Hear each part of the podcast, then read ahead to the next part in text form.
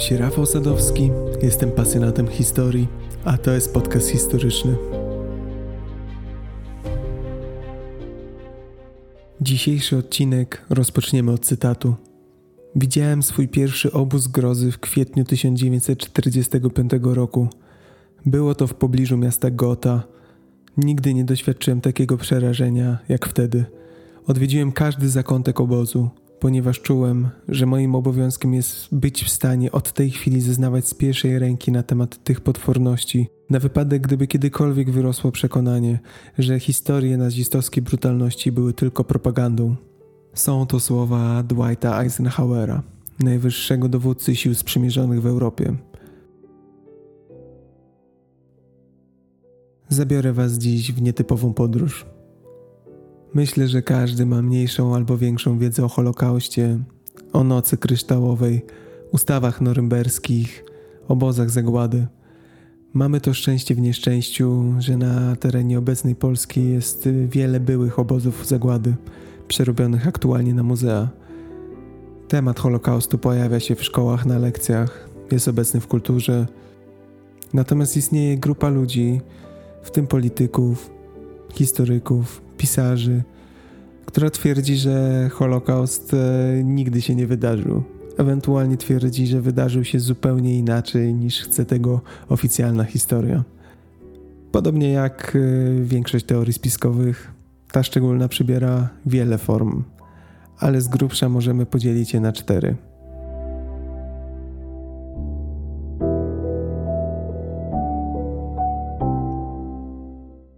Pierwszy odłam to tak zwani hmm, truterzy Holokaustu.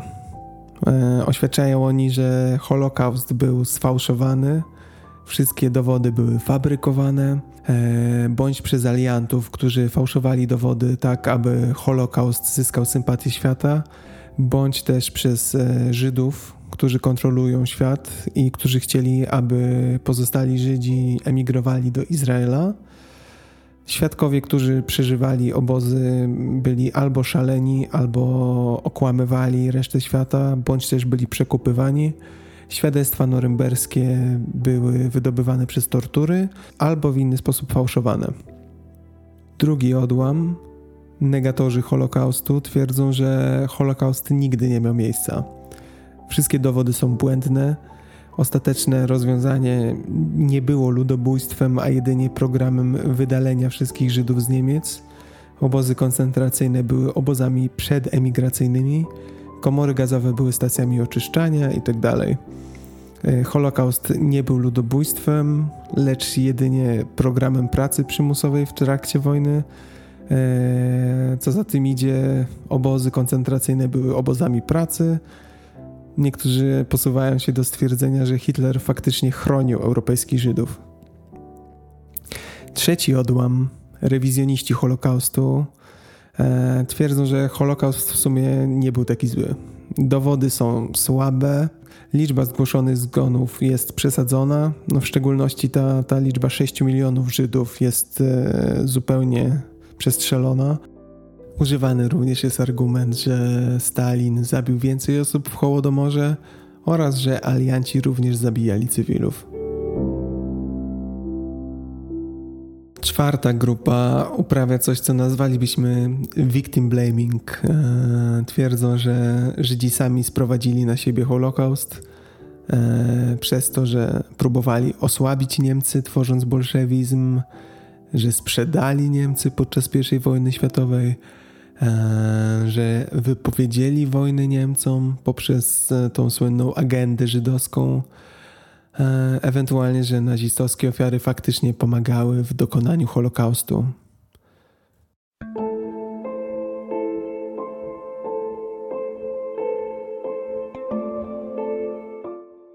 Na początek ustalmy, o czym właściwie mówimy. Holokaustem nazywamy ludobójstwo 6 milionów europejskich Żydów i milionów innych ofiar podczas II wojny światowej na terenie okupowanym przez nazistów. Musimy jeszcze na początku odróżnić e, denialistów Holokaustów od e, sceptycznych badaczy historii, którzy dzielą e, narrację Holokaustu na dwie – na funkcjonalną i intencjonalną. I jest to o tyle ciekawe, że funkcjonaliści i intencjonaliści zgadzają się, że doszło do Holokaustu, e, ale funkcjonaliści nie zgadzają się ze stwierdzeniem, że intencją Hitlera był Holokaust od samego początku. Intencjonaliści postrzegają Holokaust jako ideę, postrzegają Holokaust całościowo, jako coś, co, co było planowane na lata przed dojściem do władzy. Funkcjonaliści zaś y, widzą Holokaust y, jako coś, co rozwinęło się oddolnie, jako efekt, można powiedzieć, a nie rozkaz. Oczywiście, nawet jeśli Hitler nie planował y, Holokaustu, nie oznacza to, że, że, że nie ponosi za niego odpowiedzialności. Stworzył przecież klimat ekstremalnego antysemityzmu, który umożliwił zagładę, stworzył wiele praw, które przyczyniły się do tego, zapewnił kierownictwo, zapewnił środki, zapewnił możliwość do działania. Dla przykładu, zarówno intencjonaliści, jak i funkcjonaliści zgadzają się, że Hitler nakazał deportację Żydów do okupowanej przez nazistów Polski. Jednak intencjonaliści uważają, że deportacja od samego początku oznaczała eksterminację a funkcjonaliści widzą deportację yy, faktycznie zgodnie z definicją, że był to plan deportacji Żydów. Natomiast później zaczęto zastanawiać się, mm, co właściwie zrobić z Żydami po ich przyjeździe do Polski. Funkcjonaliści widzą Holokaust jako biurokratyczne rozwiązanie wypracowane przez nazistowskich urzędników niższego szczebla w Polsce którzy nie mogli poradzić sobie ze wszystkimi przybywającymi do Polski Żydami i zabijali większość z nich. E, funkcjonaliści wskazują na bardzo chaotyczną, wbrew pozorom, naturę nazistowskiego państwa. W państwie tym jednostki rywalizowały ze sobą o władzę i przede wszystkim o dobrą opinię Führera. Proces ten, określany przez historyków jako wychodzenie naprzeciwko oczekiwaniom Führera, mające na celu zaspokojenie wciąż rosnących wezwań Hitlera do radykalizmu we wszystkich sprawach politycznych, doprowadził ostatecznie urzędników do proponowania coraz większej liczby ekstremalnych rozwiązań tzw. Tak kwestii żydowskiej. O tym, że proponowano wiele rozwiązań, świadczy chociażby termin ostateczne rozwiązanie kwestii żydowskiej. Tych rozwiązań znaczy musiało być więcej. Funkcjonaliści wierzą, że nawet gdyby Hitler nie inicjował bezpośrednio Holokaustu, to zdał sobie sprawę z jego istnienia w trakcie trwania i godził się na te propozycje. W żaden sposób funkcjonalizm nie zwania Hitlera z odpowiedzialności moralnej.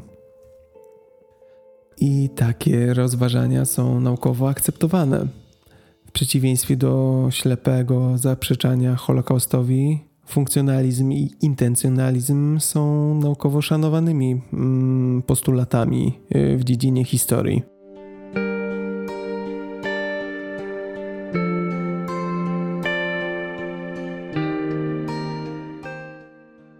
Jeżeli kiedykolwiek będziecie rozmawiali z denialistą Holokaustu, to będzie on żądał bardzo konkretnych dowodów, takich jak e, pisemny rozkaz Hitlera na eksterminację Żydów, albo na przykład zapis z autopsji stwierdzający, że żydowski więzień zmarł w wyniku zagazowania. I takich dowodów oczywiście nie ma. Jednak choć rząd nazistowski próbował masowo ukryć dowody masowego mordu, e, burząc budynki i paląc dokumenty, to zachowało się bardzo, bardzo wiele pozostałości. To jakie mamy dowody na Holokaust? Nazistowskie dokumenty i przemówienia. W 1922 roku Hitler podczas wywiadu powiedział dziennikarzowi: Kiedy będę u władzy, moim pierwszym i najważniejszym zadaniem będzie unicestwienie Żydów.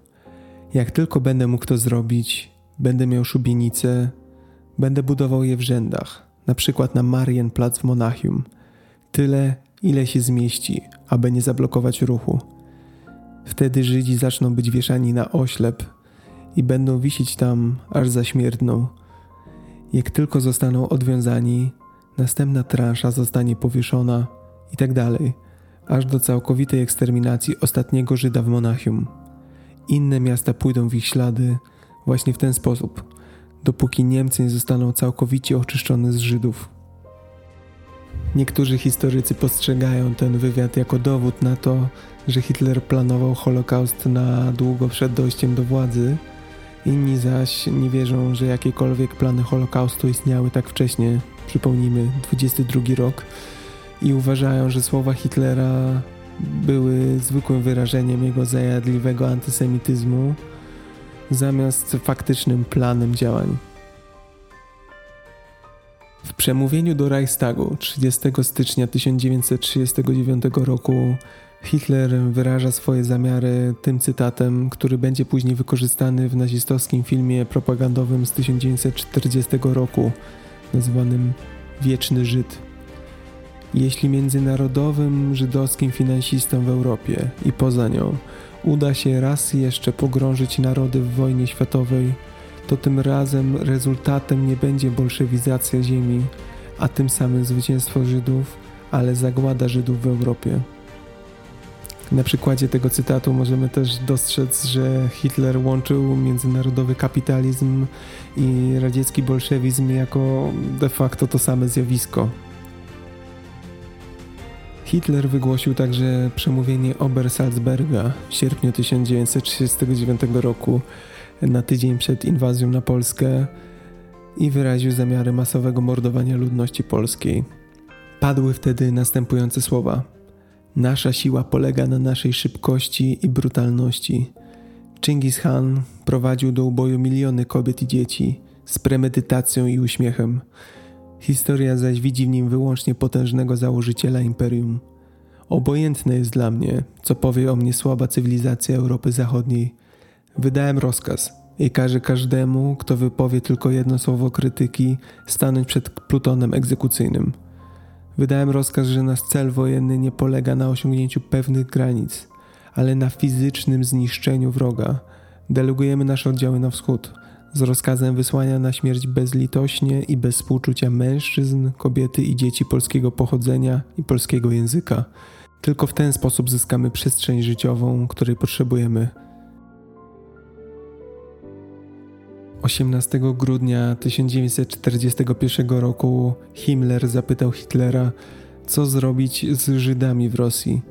Na co Hitler odpowiedział: Als Partisanten ausschrotten eksterminuj ich jako partyzantów. Ten rozkaz jest e, prawdopodobnie najbliżej, jak tylko historycy kiedykolwiek będą, do ostatecznego rozkazu Hitlera na Holokaust. Mein Kampf. Wielu historyków, e, w tym na przykład Ian Kershaw, mm, który jest wiodącym ekspertem od Hitlera i nazistowskich Niemiec, Zauważa, że kilka fragmentów Mein Kampf ma niezaprzeczalnie ludobójczy charakter.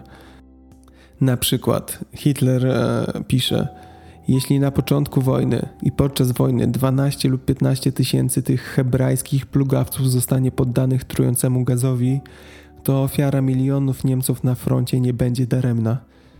Drugi cytat. Nacjonalizacja naszych mas odniesie sukces tylko wtedy, gdy oprócz wszelkiej pozytywnej walki o duszę naszego ludu, pasożyty tego narodu zostaną wymordowane. Dzienniki Goebbelsa Obszerne notatki dziennika niemieckiego ministra propagandy Józefa Goebbelsa zawierają kilka odniesień do trwającego masowego mordu na Żydach. Goebbels pisze – Intelektualista nie ma naturalnych sposobów na przeciwstawienie się żydowskiemu niebezpieczeństwu, ponieważ jego instynkty zostały mocno stępione. Z tego powodu narody o wysokim standardzie cywilizacji są narażone na to niebezpieczeństwo przede wszystkim. W naturze siła życiowa zawsze podejmuje środki przeciwko pasożytom. W życiu narodów nie zawsze tak jest. Z tego faktu wynika żydowskie niebezpieczeństwo. Dlatego nie ma innego wyjścia dla współczesnych narodów, jak tylko eksterminacja Żydów.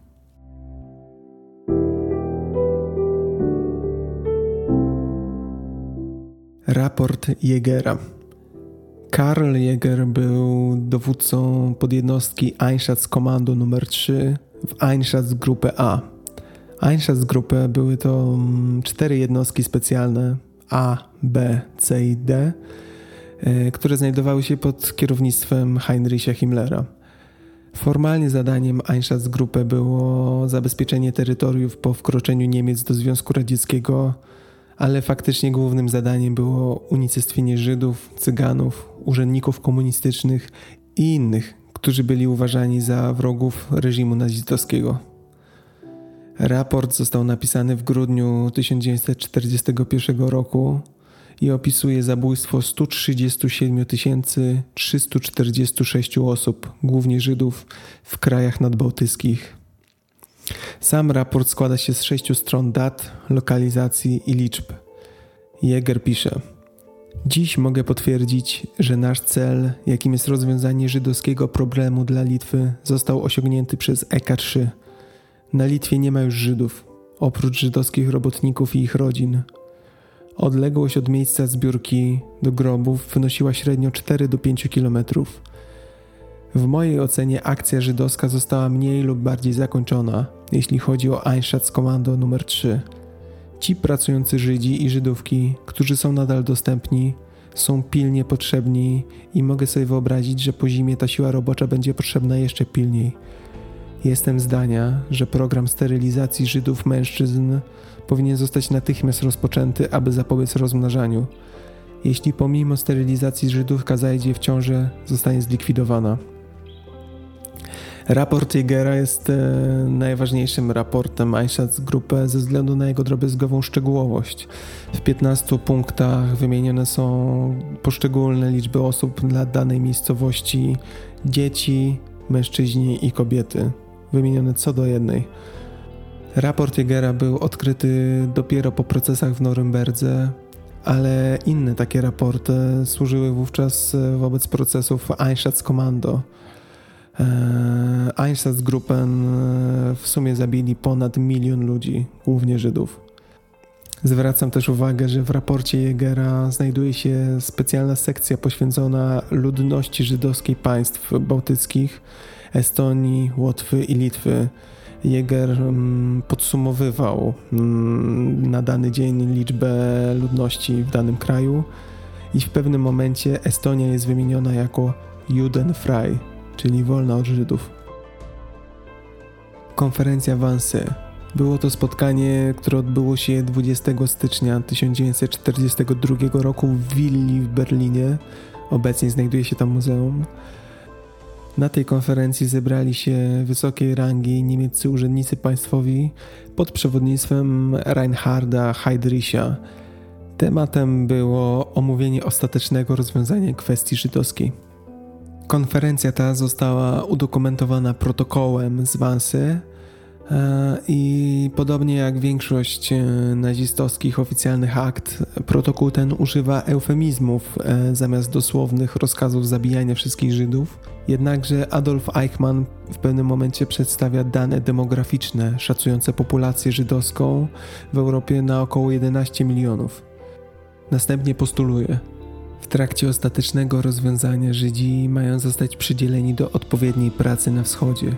Sprawni Żydzi, rozdzieleni ze względu na płeć, zostaną zabrani w dużych kolumnach roboczych do tych obszarów w celu pracy na drogach. Podczas tych prac niewątpliwie duża część zostanie wyeliminowana z przyczyn naturalnych. Ewentualnie pozostali, jako najtrwalsze jednostki, będą musieli zostać odpowiednio potraktowani, ponieważ będą produktem naturalnej selekcji i po uwolnieniu działaliby jako zalążek nowego żydowskiego odrodzenia. Raport Himmlera z 1942 roku. Pod koniec 1942 roku Himmler sporządza i wręcza Hitlerowi meldunek o walce z przestępczością. E, dotyczył on okresu od sierpnia do listopada 1942 roku i dotyczył części okupowanego obszaru sowieckiego południowa Rosja, Ukraina, kawałek Białego Stoku. W raporcie tym zawarte są następujące dane. Bandyci. Ustalona liczba zgonów w walce 1337. Więźniowie straceni natychmiast 737. Żydów straconych 363 211. Jest to jeden z niewielu nazistowskich zapisów, który wyraźnie wspomina o zabijaniu Żydów bez eufemizmów.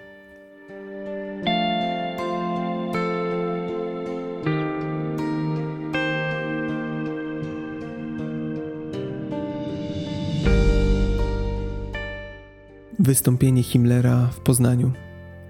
W 1943 roku Heinrich Himmler, przywódca SS, e, podczas przemówienia do oficerów SS w poznańskim ratuszu wygłosi następujące przemówienie.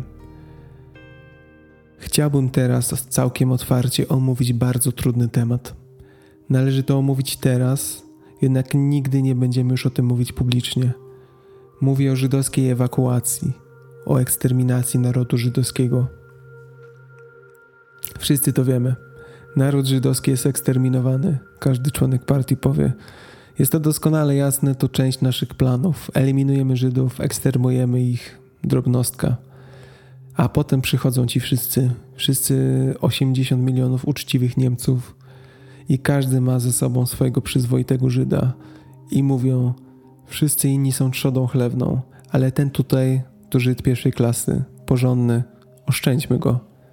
Żaden inny człowiek nie musiał wytrzymać tyle, co my, panowie. Większość z was wie, co to znaczy, gdy sto ciał leży razem, gdy jest ich 500 lub gdy jest ich tysiąc. I przebrnięcie przez to, pozostanie przyzwoitym przy tym człowiekiem, uczyniło z nas bohaterów. Wiemy, co by się dziś działo, gdybyśmy dzisiaj w każdym mieście podczas ataków bombowych, ciężarów wojennych i niedostatków nadal mieli Żydów jako tajnych sabotażystów, agitatorów i podżegaczy.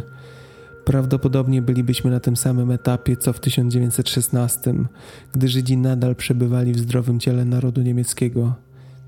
Zabraliśmy Żydom wszystko, co mieli i przekazaliśmy to mienie w całości Rzeszy, państwu. Nie wzięliśmy niczego dla siebie. Kilku, którzy się temu sprzeciwili, zostanie osądzonych zgodnie z rozkazem, który wydałem na początku – ten, kto zabierze choć jedną rzecz Żydowi, umrze. Mamy moralne prawo. Mieliśmy obowiązek wobec naszych ludzi, aby to zrobić, aby zabić ludzi, którzy chcieli nas zabić, ale nie mamy prawa wzbogacać się nawet jedną szmatą, jedną monetą, jednym papierosem, jednym zegarkiem, czymkolwiek. Takiego prawa nie mamy. Ponieważ eksterminowaliśmy wrzód, nie chcemy się tym wrzodem zarazić. Nigdy nie zobaczę, aby choć odrobina zgnilizny zakorzeniła w nas. Przeciwnie, tam, gdzie może próbować się zakorzenić, wypalimy ją wraz z korzeniem. Możemy powiedzieć, wykonaliśmy najtrudniejsze zadanie z miłości do naszego ludu i nie okazaliśmy żadnej wady w nas, w naszej duszy ani w naszym charakterze. Dlaczego te przemówienie zostało nagrane? Nie był to wyjątek. SS używało sprzętu nagrywającego do uzyskiwania transkrypcji przemówień e, Himmlera, Hitlera i innych e, wysoko postawionych członków partii. Wiele przemówień, z których na początku pisano notatki stenograficzne, e, później nagrywano, starano się zastąpić stenografów sprzętem. Chociaż na początku te wysiłki były nieudane, to pod koniec 1942 roku technika ta została udoskonalona, a wszystkie istniejące na maszynie drukowane teksty przemówień e, Himmlera z 1943 i 1944 roku pochodzą już z nagrań wykonanych podczas przemówień. E, Goebbels również był entuzjastą tej nowinki technologicznej. Po wygłoszeniu przemówienia mógł spokojnie przesłuchać e, swoje nagranie i wprowadzić zmiany którego zdaniem wzmacniałyby propagandowy efekt mowy. E, Ministerstwo Propagandy publikowało komunikaty prasowe zawierające zredagowany tekst lub jego fragmenty. Niemieckie gazety następnie publikują tekst tak, aby jak najlepiej prezentował tekst oryginalnego wystąpienia. Pamiętajmy też, że przywódcy III Rzeszy byli przekonani, że uczestniczą w wydarzeniach o wielkiej skali historycznej, a ze względu na wagę, jaką przywiązuje się do słowa mówionego, wydawało im się oczywiste, że nagrania powinny zostać zachowane. Raporty Odilo Globocnika. Odilo Globocnik był austriackim zbrodniarzem wojennym. Jako współpracownik Adolfa Eichmana odegrał wiodącą rolę w operacji Reinhardt, w której zginął ponad milion Żydów, głównie polskich, e, podczas Holokaustu w nazistowskich obozach zagłady Majdanek, Treblinka, Sobibór i Bełżyc. Historyk e, Michael Allen opisuje Globocnika jako najgorszą osobę w najgorszej znanej organizacji. Jego raporty opisują akcję Reinhardt ze szczególnym uwzględnieniem konfiskowanych nieruchomości i ruchomości. Raport Kerrera. Podczas II wojny światowej doktorowi Richardowi Kerrerowi zostaje zlecone obliczenie liczby Żydów w Europie objętych specjalnym traktowaniem. Nazwa, jak wspomniałem, dotyczyła masowych morderstw. Do 1942 roku Kerrer kończy swój raport. Ostatecznie na 16 stronach e, dokumentu odzwierciedlono postęp Holokaustu poprzez malejącą liczbę Żydów w Niemczech i okupowanej Europie.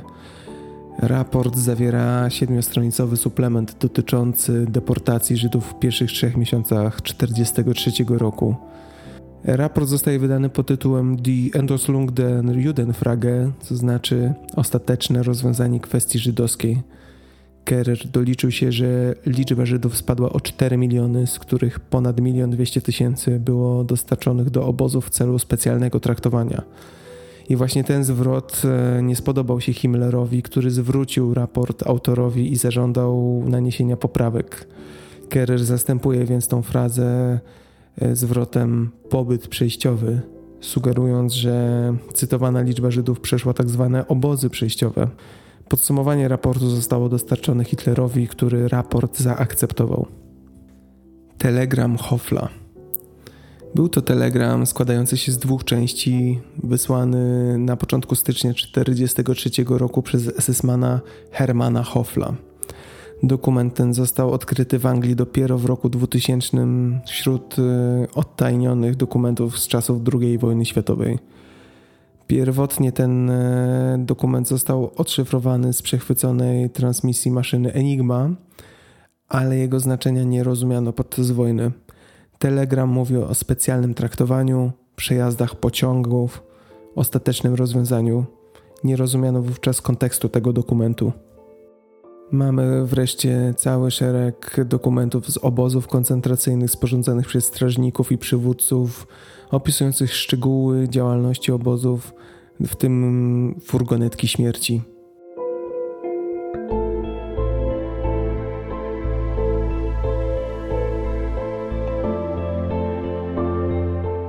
Jak do tych wszystkich wymienionych przeze mnie dokumentów odnoszą się denialiści? Twierdzą, że aby obwinić Hitlera, fałszerze tworzyli te i inne dokumenty wraz ze złożonymi wewnętrznie oznaczeniami referencyjnymi e, na maszynach do pisania, które miałyby idealnie pasować do tych używanych przez różne niemieckie jednostki, które pisały te dokumenty, a następnie fałszerze umieszczali tysiące tych idealnych fałszerstw w wielu różnych archiwach w odpowiednich plikach, dokładnie we właściwej kolejności w całej Europie.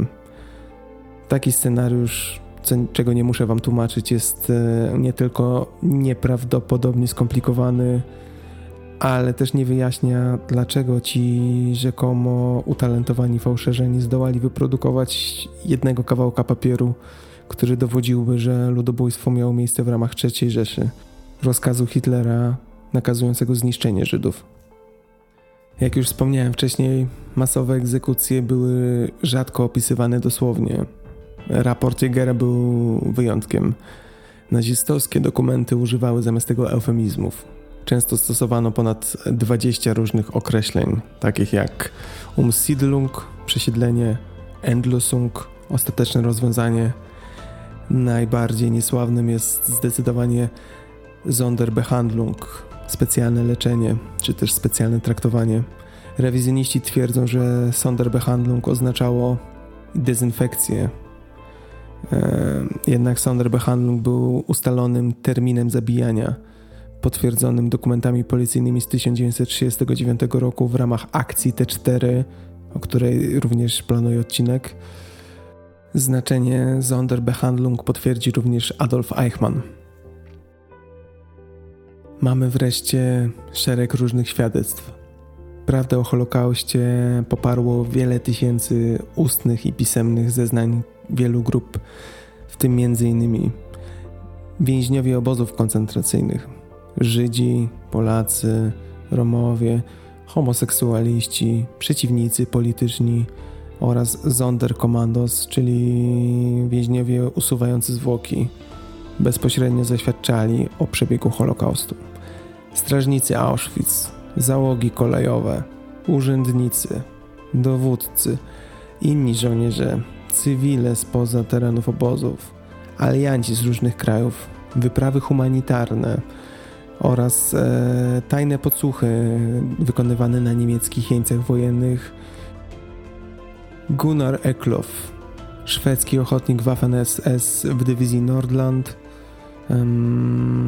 podczas swojego urlopu w 1943 roku Szwecji chwalił się mordowaniem Żydów na froncie wschodnim.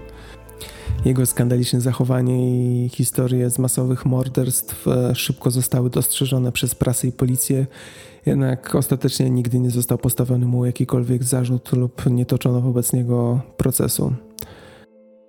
Gustav Burg, były szwedzki ochotnik SS i Kriegsberichter, czyli korespondent wojenny, relacjonował z frontu wschodniego, e, w tym relacjonował zbiorowe egzekucje komunistów i Żydów.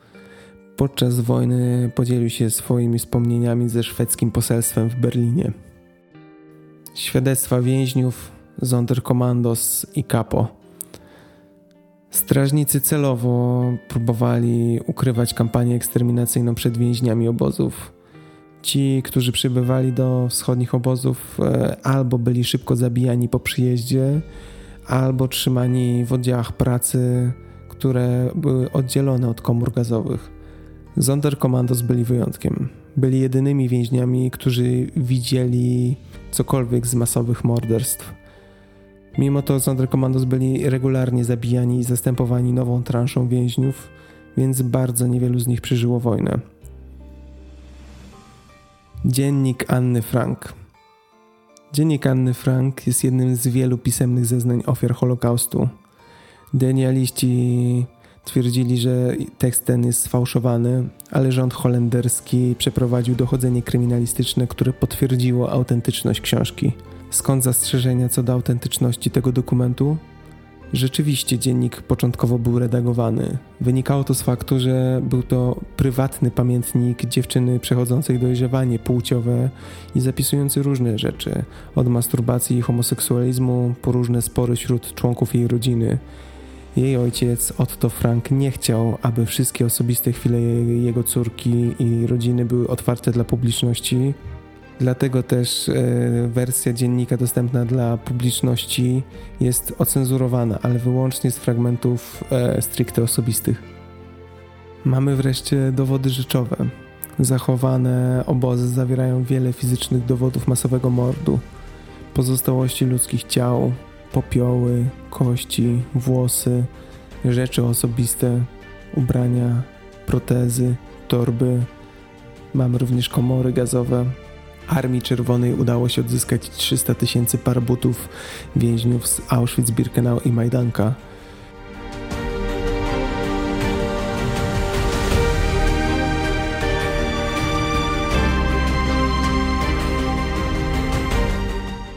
Zajmijmy się teraz dowodami, jakimi posługują się denialiści. Świadectwo Paula Raciniera. Paul Racinier był francuskim dziennikarzem, nazywany jest ojcem rewizjonizmu Holokaustu. Racinier uczestniczył we francuskim ruchu oporu i został uwięziony w Buchenwaldzie. E, twierdził, że rząd nazistowski nie miał planu eksterminacji Żydów, a liczba ofiar śmiertelnych e, według jego szacunków wynosi nie więcej niż około miliona. Richard Baer Richard Baer był dowódcą Auschwitz I. Po wojnie mieszkał tajemnie w Hamburgu, dopóki nie został schwytany w 1960 roku. Po aresztowaniu Adolfa Eichmana Baer odmawia składania przeciwko niemu zeznań i umiera w areszcie w 1963 roku.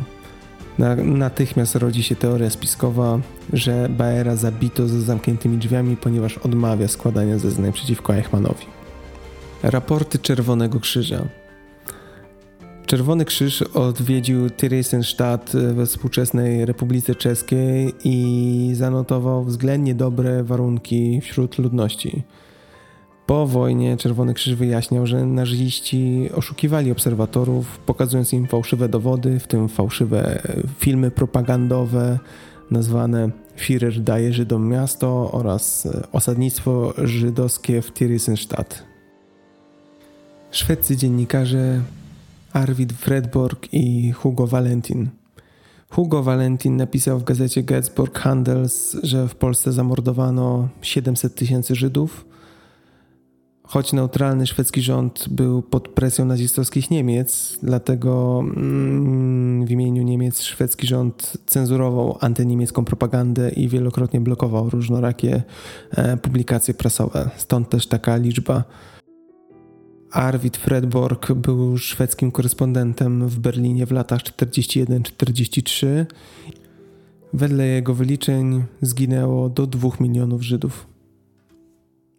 Jest jeszcze relacja z drugiej ręki, z której wynika, że na meldunek Heinza Guderiana o tym, że Auschwitz zostało zajęte przez Rosjan, Hitler skwitował to zwykłym aha co ma sugerować, że nazwa Auschwitz nie była Hitlerowi w ogóle znana. Jak wspomniałem wcześniej, rewizjoniści twierdzą, że liczba ofiar śmiertelnych Żydów w Holokauście jest znacznie mniejsza niż 6 milionów. Dokładna liczba jest różna. Institute for Historical Review twierdzi, że zginęło raptem 300 tysięcy Żydów. David Irving zaś, o którym będzie jeszcze później, ostatecznie swoje szacunki kształtuje na poziomie 4 milionów. Choć mógł je podnieść, aby uniknąć surowego wyroku więzienia podczas procesu w Austrii. Odniosę się do tych danych raz jeszcze. Protokół z Wansy z 1942 roku twierdzi, że w Europie żyje 11 milionów Żydów, z czego 6 milionów mieszkało na terytorium kontrolowanych przez Niemcy. Po kapitulacji Niemiec w 1945 roku doliczono się 6 milionów Żydów mniej. Co się z nimi stało? World Almanac. Niektórzy denialiści, na przykład wspomniany Institute for Historical Review, odnoszą się do statystyk World Almanac, które wskazują, że podczas wojny nie spadła globalna liczba Żydów. Dane almanaku dla Żydów e, do roku 1948 były jednak starymi szacunkami. Nowy szacunek dla 1948 roku pokazuje spadek o 4,4 miliona. Zaktualizowane szacunki dla 1949 roku pokazują spadek o 5,3 miliona. Zaprzeczający Holokaustowi twierdzą, że miliony Żydów w nazistowskich obozach w Polsce zostały albo deportowane na wschód, albo wręcz przeżyły niewolę. Mieliby przeprowadzić się do obcych krajów, w tym do Palestyny, Wielkiej Brytanii, Stanów Zjednoczonych i Związku Radzieckiego. Niektórzy z nich mieliby przebierać się za nieżydów. Kilka tysięcy Żydów e, rzeczywiście uciekło z terytorium państw osi podczas wojny, na przykład z Danii prawie 8 tysięcy, którzy uciekali do Szwecji, ale nie uwzględnia się ich w szacunkach. Denialiści zarzucają, że poprawiano liczbę ofiar śmiertelnych Auschwitz z 1 miliona do 4 milionów. Liczba 4 milionów pochodzi z pierwszych radzieckich publikacji o Holokauście i była używana przez Muzeum Auschwitz e, do lat 80. XX wieku e, w ówczesnej komunistycznej Polsce, która, mm, jak można się domyślić, chciała wyolbrzymić e, okropności wroga w celach propagandowych. Zachodni uczeni nigdy nie twierdzili, że w Auschwitz zginęły 4 miliony ludzi, Wszystkie źródła posługują się liczbą 1,1 miliona na liczbę ofiar Auschwitz. Raporty Czerwonego Krzyża. Rzekomo Czerwony Krzyż oszacował liczbę ofiar śmiertelnych Holokaustu na 230 do 270 tysięcy. Dokument, o którym mowa, pochodzi z e, International Tracing Service, organizacji utworzonej podczas wojny w celu śledzenia zaginionych osób. Liczba 300 tysięcy osób e, według samego ITS nie obejmuje zamordowanych, ale tych, dla których ITS było w stanie wydać akt zgonu na wniosek członków rodziny. ITS nigdy nie gromadziło liczby wszystkich e, poległych w obozach.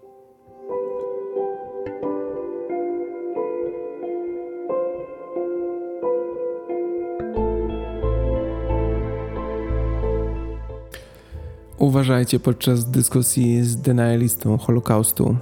Doświadczeni negatorzy mogą przywołać szczegóły techniczne, takie jak właściwości chemiczne cyklonu B, rozmiary pieców kremacyjnych albo przepisy na mydło. I tak, jeśli chodzi o komory gazowe. Zaprzeczanie gazowaniu jest e, kamieniem węgielnym zaprzeczenia Holokaustowi, a denialiści mają e, wiele zarzutów i wiele argumentów na obalenie komór gazowych. Mogą zarzucać brak nazistowskich dokumentów o komorach gazowych. O tym już była mowa Brak świadectw o gazowaniu. Również o tym rozmawialiśmy. Mogą zarzucać, że komory gazowe były używane tylko do dezynfekcji, że nie dokonywano badań kryminalistycznych e, w celu ostatecznego stwierdzenia wykorzystania komór gazowych. Mogą twierdzić, że cyklon B jest bezużyteczny do eksterminacji ludzi, że cyklon B jest niebezpiecznie wybuchowy, że na ścianach komór gazowych e, brakuje błękitu pruskiego, że komory gazowe są zbyt trudne do wentylacji, a tym samym do ich użytkowania na skalę przemysłową, oraz że komory gazowe w ogóle nie są zdatne do przeprowadzenia egzekucji. Cyklon B był produktem w postaci papierowych lub kartonowych granulek zaimpregnowanych cyjanowodorem który paruje w temperaturze pokojowej. Jak podkreślają sceptycy, cyklon B był produkowany wyłącznie jako środek owadobójczy. I chociaż rzeczywiście był produkowany i sprzedawany jako środek gryzonio i owadobójczy, to nie czyni go to wcale mniej szkodliwym dla ludzi. E, puszki były wyraźnie oznaczane jako zawierające wysokotoksyczne substancje, Cyklon B jest e, tak samo niezdolny do zabijania ludzi jak maczeta, topór albo nóż do tapet. Żaden z tych produktów nie jest e, produkowany ani sprzedawany ze względu na ich e, zdolność do zabijania. Tak samo jak każde narzędzie lub substancje może być jednak do tego użyty. Zarzut braku błękitu pruskiego można łatwo odeprzeć poprzez wizytę na obozie zagłady w Majdanku koło Lublina. Tam też znajduje się komora gazowej, której naziści nie zniszczyli i która mm, wykazuje silne zabarwienie drzwi na niebiesko poprzez relację żelaza i opara w cyjanku. Jeżeli chodzi o wybuchowość, cyklon B jest e, wybuchowy w dużych stężeniach, a denialiści twierdzą, że jest to sprzeczne z, ze świadectwami, wedle których SS-mani i kapo obozowi palili papierosy w komorach pomiędzy gazowaniami.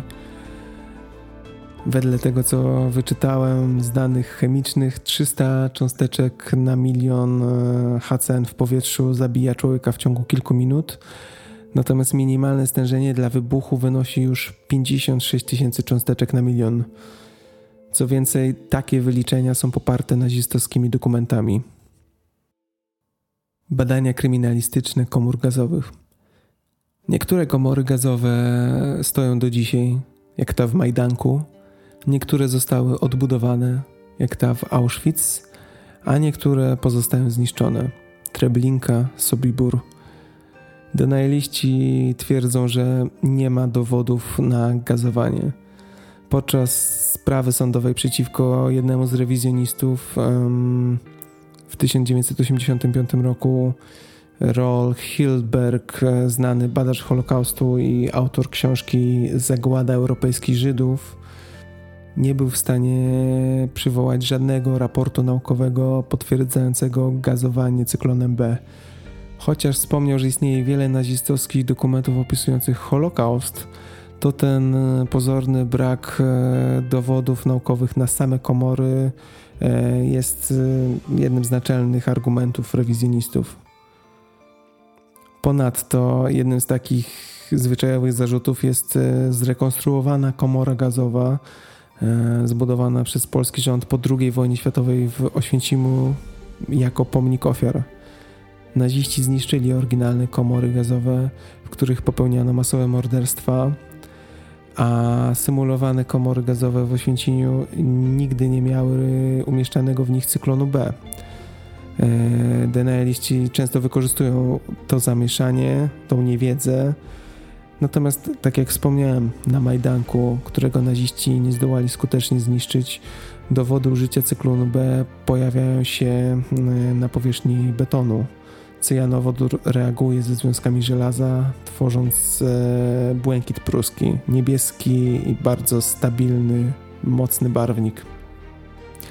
Ponadto zostały opublikowane co najmniej dwa raporty naukowe na temat komór gazowych. Jean-Claude Prussac, francuski farmaceuta, były negator Holokaustu, w 1979 roku podjął się badań kryminalistycznych komór gazowych w Auschwitz i był zszokowany przytłaczającymi dowodami. W 1989 roku opublikował książkę, która twierdzi, że komory gazowe były w stanie zabijać od 631 do 711 tysięcy więźniów. Mowa o komorach w Auschwitz. Usuwanie zwłok i kremacja. Rewizjoniści kwestionują możliwość usuwania zwłok i kremacji w obozach. E, jest to częściowo konsekwencją błędnych obliczeń. E, biorąc pod uwagę samo Auschwitz-Birkenau, to pierwsze piece krematoryjne faktycznie były przeciążone i w trybie pilnym budowano dodatkowe piece. Tymczasem jednak oficerowie obozowi musieli uciekać się do palenia zwłok e, w rowach i dołach. Denaliści zarzucają, że ilość paliwa potrzebna do kremacji ciał w praktyce uniemożliwiałaby spalanie na masową skalę. David Irving podczas swojego procesu twierdził, że spalanie wszystkich ciał pochłaniałoby setki ton węgla. Powołany przez obronę świadek e, odnosił się do tych zarzutów, pokazując niemieckie patenty wydane przed II wojną światową, patenty na masowe krematorium, które było zasilane prawie całkowicie z tkanki tłuszczowej umieszczonych e, w tymże krematorium zwłok. Jeden wspólny zarzut rewizjonistów wynika częściowo z dwóch aspektów krematoriów, które znaleziono w Auschwitz. Pierwszym z tych aspektów jest e, dość ciekawa struktura komina krematorium. Jeśli ktoś był, to być może zwróciliście uwagę, że komin nie jest bezpośrednio połączony z piecami w żaden widoczny sposób. E, jednak dane zebrane przez e, Top Sons, czyli twórców krematoriów, dowodzą, że projekt zastosowany w Auschwitz był projektem, w którym gazy spalinowe były odprowadzane przez podłogę pod ziemią i na zewnątrz do wolno stojącego komina. Usuwanie popiołu. Zaprzeczający Holokaustowi pytają, co się działo z popiołami kremowanych zwłok. Objętość popiołów po spaleniu jednego człowieka odpowiada w przybliżeniu jednemu pełnemu pudełku pobuty na każde jedno ciało. I faktycznie oficerowie Auschwitz i innych obozów utylizowali popiół na wiele różnych sposobów w rzekach, na polach, bagnach, lasach, usuwanie popiołu nie stanowiło problemu. W rzeczywistości istnieją również ogromne doły wypełnione popiołami w pobliżu Treblinki i Bełżca, które zostały wykopane przez polskiego archeologa w 1997 roku. Udogodnienia obozowe. Auschwitz I zawierało zbiornik wodny przeznaczony do gaszenia pożarów. W późniejszym czasie zbiornik ten przebudowano na basen – Rewizjoniści sugerują, że obecność basenu jest oznaką dobrych warunków życia dla więźniów. Jednakże basen, podobnie jak większość innych obiektów rekreacyjnych, e, był ograniczony e, wyłącznie dla strażników, kapo i uprzywilejowanych więźniów. Zdecydowana większość więźniów e, przebywających w Auschwitz nigdy nie zbliżyła się do basenu. Inni denialiści przedstawiają relacje ocalałych na temat orkiestr, teatrów i kin w Auschwitz i innych obozach. I podobnie jak basen, udogodnienia te były przywilejem dla wąskiej grupy więźniów. Trudno jednocześnie argumentować, że przywileje przyznane niektórym więźniom obalają istnienie Holokaustu jako takiego.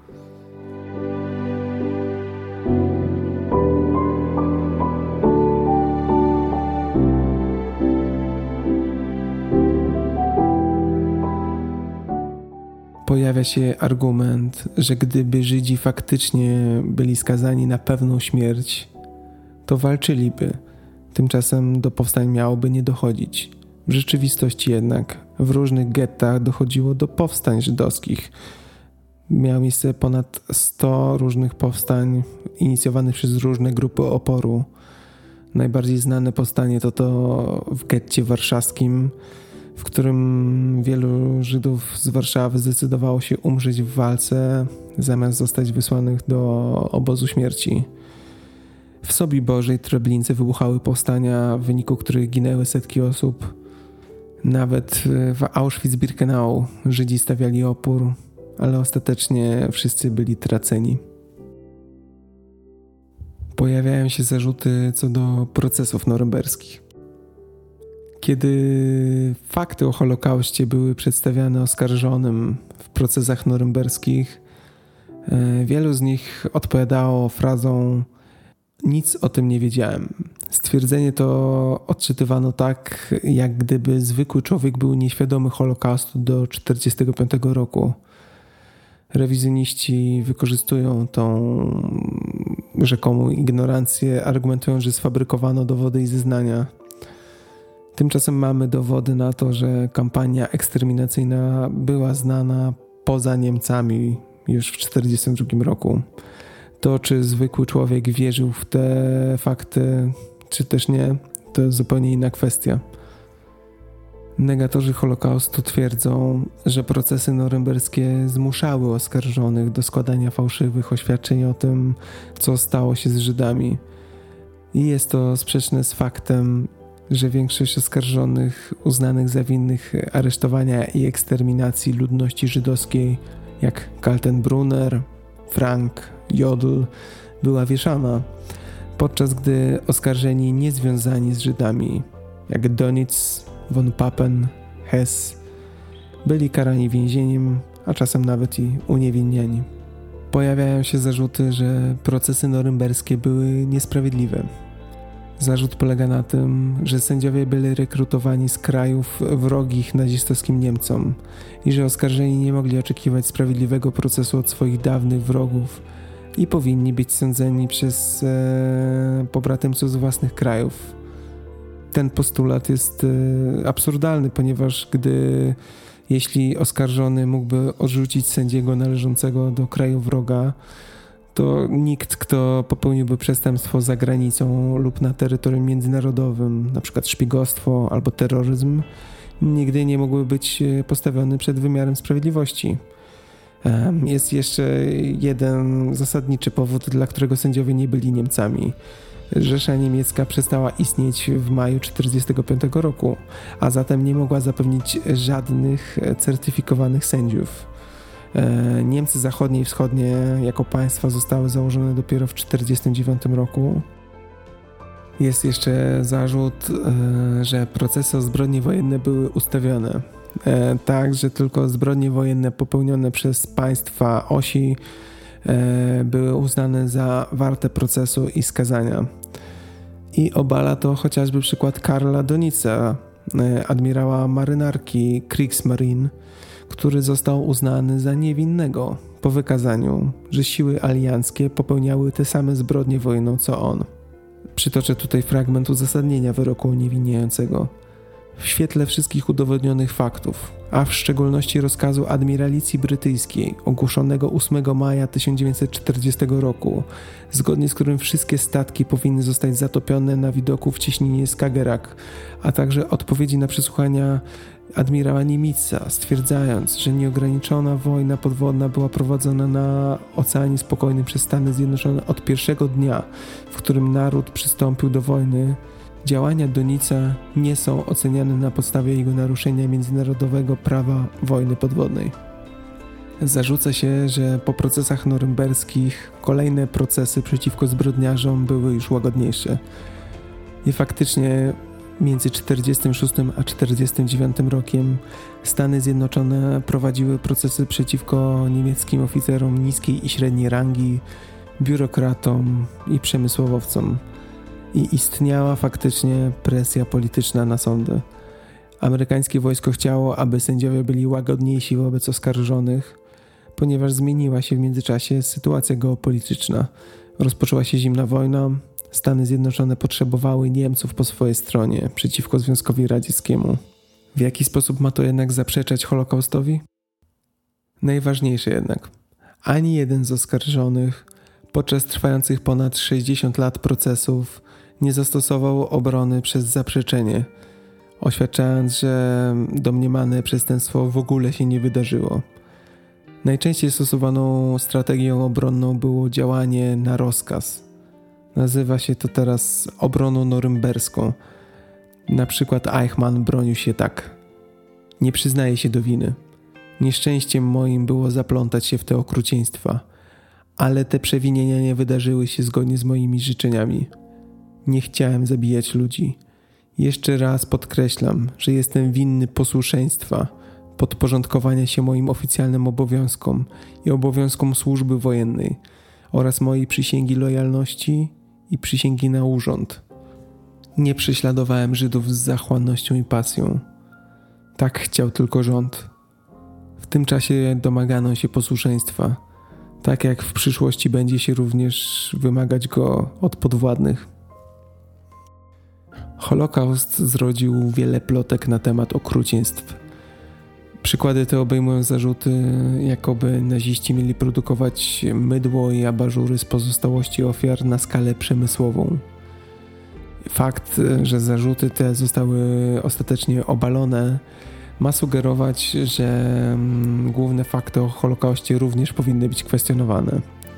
I choć profesor Spanner z Gdańskiego Instytutu Anatomicznego nawet w sądzie przyzna, że wykorzystał tłuszcz zwłok, e, aby zrobić ludzkie mydło, które, jak twierdził, było używane do uelastyczniania preparatów stawowych, e, to jednak zgodnie z, e, z konsensusem naukowym żaden historyk nigdy nie wierzył, że naziści masowo produkowali mydło ze zwłok Żydów. Mydło wytwarzane jest z tłuszczów wychudzone ofiary Holokaustu i źle traktowani jeńcy radzieccy mm, rzadko mieliby wystarczającą ilość tłuszczu do przetworzenia na mydło. Ponadto, co ważniejsze, nazistowskie Niemcy miały obfite źródło tłuszczów zwierzęcych, pochodzących ze zwierząt hodowanych na mięso. Co do abażuru, istnieje świadectwo z Buchenwaldu, że wyprodukowano jeden ludzki abażur, zaświadcza o tym więzień, który wykonał tenże abażur na rozkaz. Plotki o masowej produkcji pozostają nieudowodnione.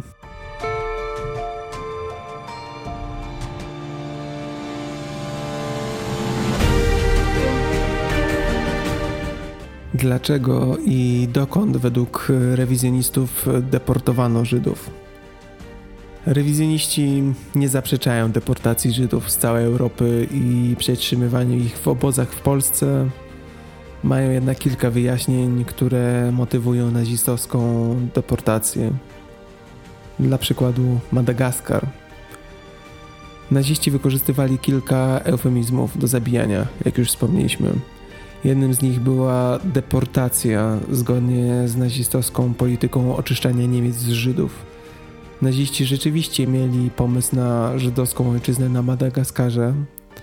Madagaskar znajdował się pod francuską kontrolą państwa Vichy e, do 1942 roku, kiedy to został okupowany przez aliantów.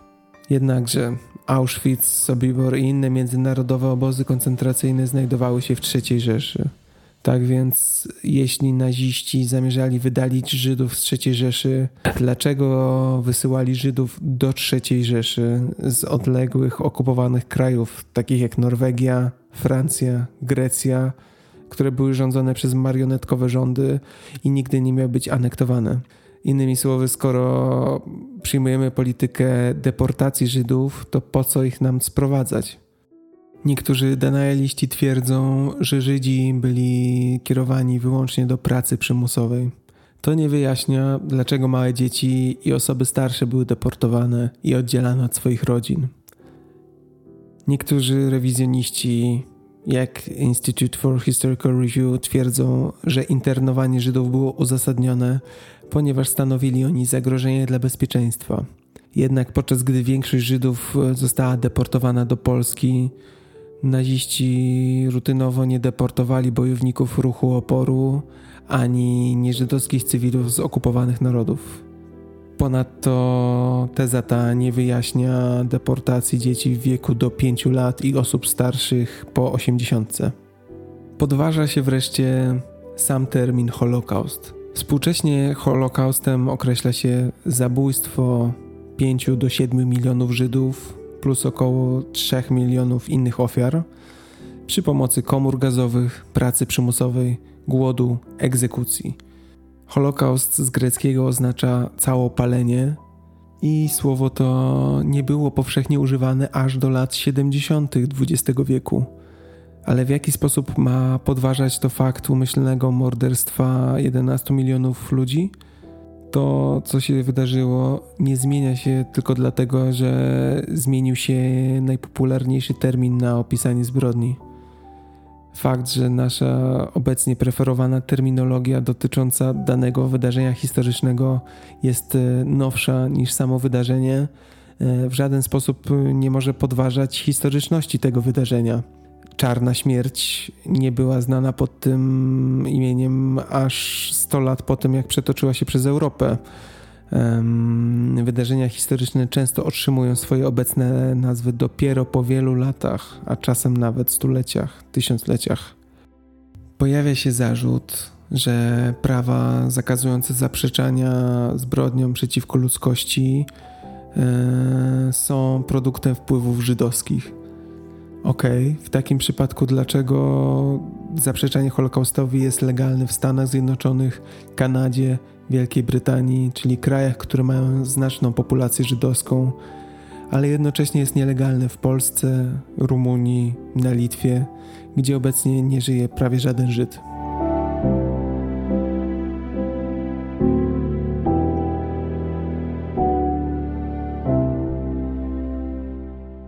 Dochodzimy wreszcie do mocnych teorii spiskowych, Negatorzy Holokaustu mogą twierdzić na przykład, że globalna społeczność żydowska wypowiedziała wojnę Niemcom w 1933 roku.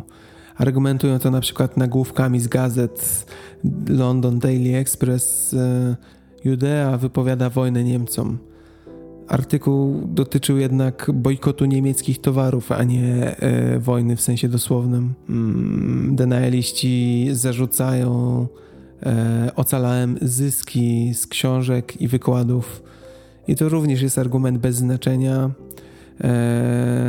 bo, bo, tak naprawdę jakby to miało działać? E, cała nazistowska machina wojenna polegała na zabiciu kilku milionów Żydów, a potem e, odkuciu się na opłatach za wstęp na wykłady.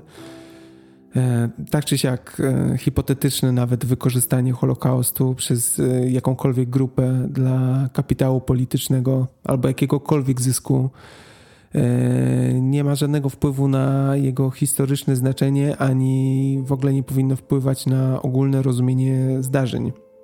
Często pojawia się też taki, taka klisza, że zwycięzcy piszą historię. E, no i w tym przypadku, w przypadku Holokaustu jest to dosłownie nieprawda, bo na przykład Denitz albo Sper pisali i publikowali swoje wspomnienia, pomimo że technicznie przegrali wojnę. Powtarzanie, dokumentowanie wydarzeń wojennych jest w Niemczech silną tradycją i tęże tradycję Denis i Sper oraz wielu innych e, praktykowała. Takim już naprawdę Argumentem ostatniej szansy jest artykuł niejakiego Martina Glyna pod tytułem Holocaust z 1919 roku.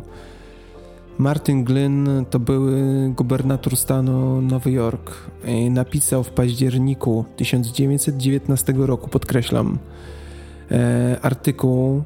Artykuł miał na celu zachęcić amerykańskich Żydów do wysyłania pomocy humanitarnej głodującym europejskim Żydom po I wojnie światowej. E, Glynn e, użył zwrotu 6 milionów europejskich Żydów cierpi głodowy Holokaust. No i doprowadziło to do kilku interesujących interpretacji. Denialiści wykorzystali ten artykuł do udowodnienia, że pomysł zorganizowania morderstwa 6 milionów Żydów e, istniał co najmniej od roku 1919 roku. I rodzi to kilka problemów. Po pierwsze, oprócz wyrażeń 6 milionów i Holokaust, sam artykuł nie ma nic wspólnego z Holokaustem, który znamy z II wojny światowej. Po drugie, denialiści twierdzą, że artykuł miał postać jako przemówienie. To nie jest ani poparte dowodami, ani nie ma żadnego znaczenia. A po trzecie i najważniejsze, co właściwie udowadnia ten artykuł? Czy rzekomy plan zorganizowania ludobójstwa został opracowany już w 1919 roku? Czy Holokaust e, był realizacją planu Glyna albo był nim inspirowany?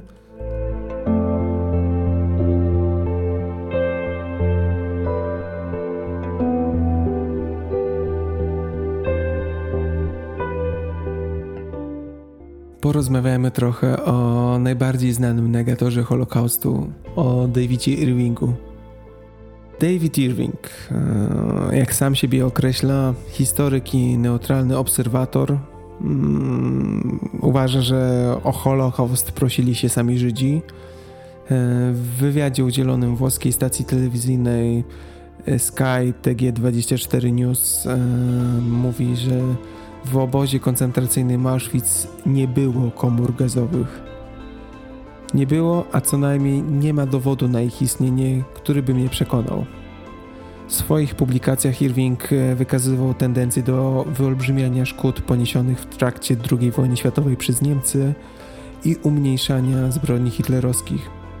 Długo udawało mu się ignorować bardziej wnikliwe krytyki zawodowych historyków. Uchodził wśród czytelników za solidnego popularyzatora historii, specjalistę od historii III Rzeszy w szczególności. Po opublikowaniu w 1977 roku książki Wojna Hitlera, pierwszej części biografii Hitlera, zawierającej zaskakująco pozytywny obraz wodza III Rzeszy, historycy zaczęli dokładnie przyglądać się jego pracom. Opublikowano szereg niepochlebnych recenzji. Popularność Irvinga systematycznie spadała, a pogarszająca się reputacja sprawiła, że bardziej renomowane wydawnictwa odmawiały wydawania jego książek. E, w latach 80. Irving zaangażował się jawnie w działalność neonazistowskich ugrupowań. E, wygłosił również e, wiele odczytów o tematyce rewizjonistycznej, na przykład w Niemczech.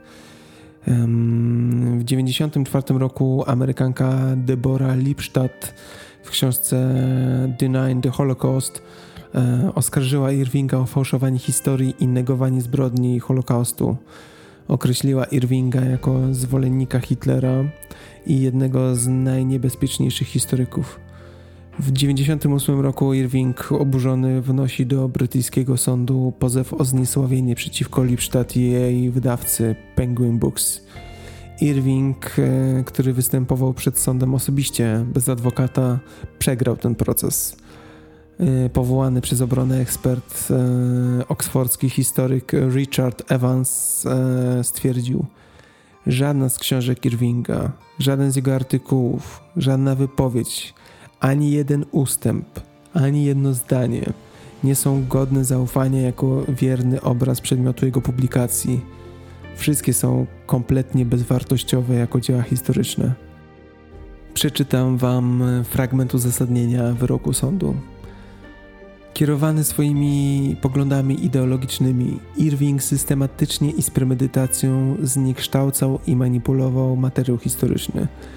Z tych samych powodów przedstawiał Hitlera w niemożliwym do usprawiedliwienia pozytywnym świetle. Przede wszystkim w związku z jego stosunkiem do Żydów i odpowiedzialnością za ich traktowanie, że aktywnie zaprzecza istnieniu Holokaustu, że jest antysemitą i rasistą związanym z prawicowymi ekstremistami propagującymi neonazizm. Wyrok ostatecznie doprowadzi Irvinga do bankructwa. Warto nadmienić, że Irving opublikował kilka tez, za które oskarżono go o antypolonizm. Należy do nich e, kierowany przez Irvinga zarzut wobec przyszłego papieża Jana Pawła II, że brał udział w tzw. Tak masakrze bydgoskiej, podczas której Polacy rzekomo wymordowali 7 tysięcy Niemców. Większość historyków e, jest zgodna, że była to dywersja niemiecka.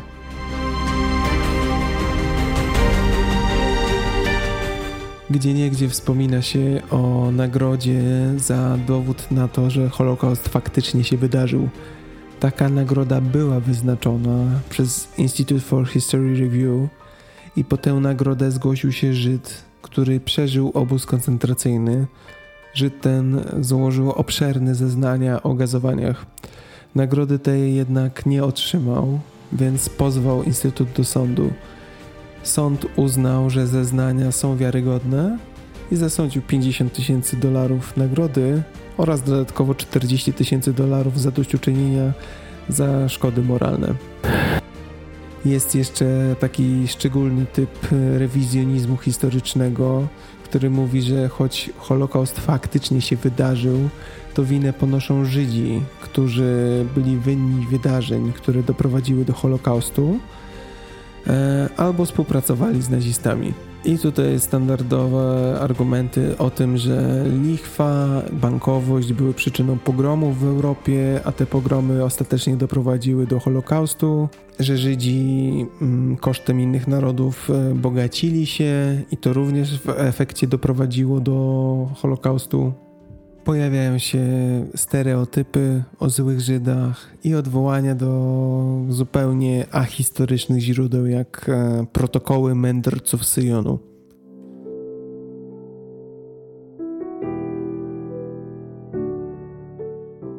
Czy z negatorami Holokaustu można dyskutować? Mam nadzieję, że wyposażyłem Was e, w dobre argumenty na taką dyskusję. Chciałbym jeszcze podsunąć Wam kilka pytań, jakie można zadać e, denialistom Holokaustu. Po pierwsze, czy naziści eksterminowali Romów, gejów i przeciwników politycznych?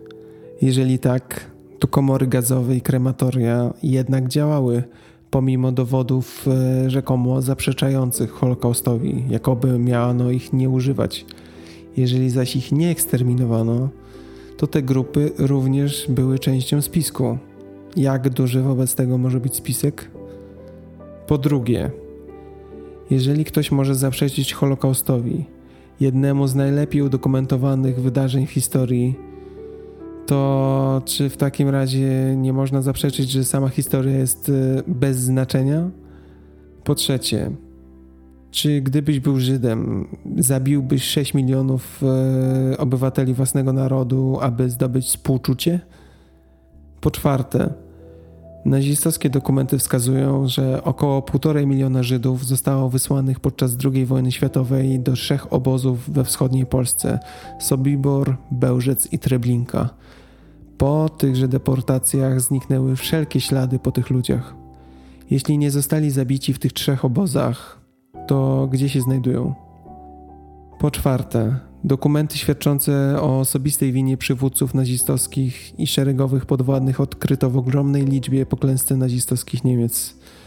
Dokumenty te obejmowały plany architektoniczne obozów, projekty inżynieryjne, wyniki testów, księgi rachunkowe, rozkłady jazdy kolei, listy płac, wyróżnienia, zamówienia, listy deportacyjne i liczby zgonów.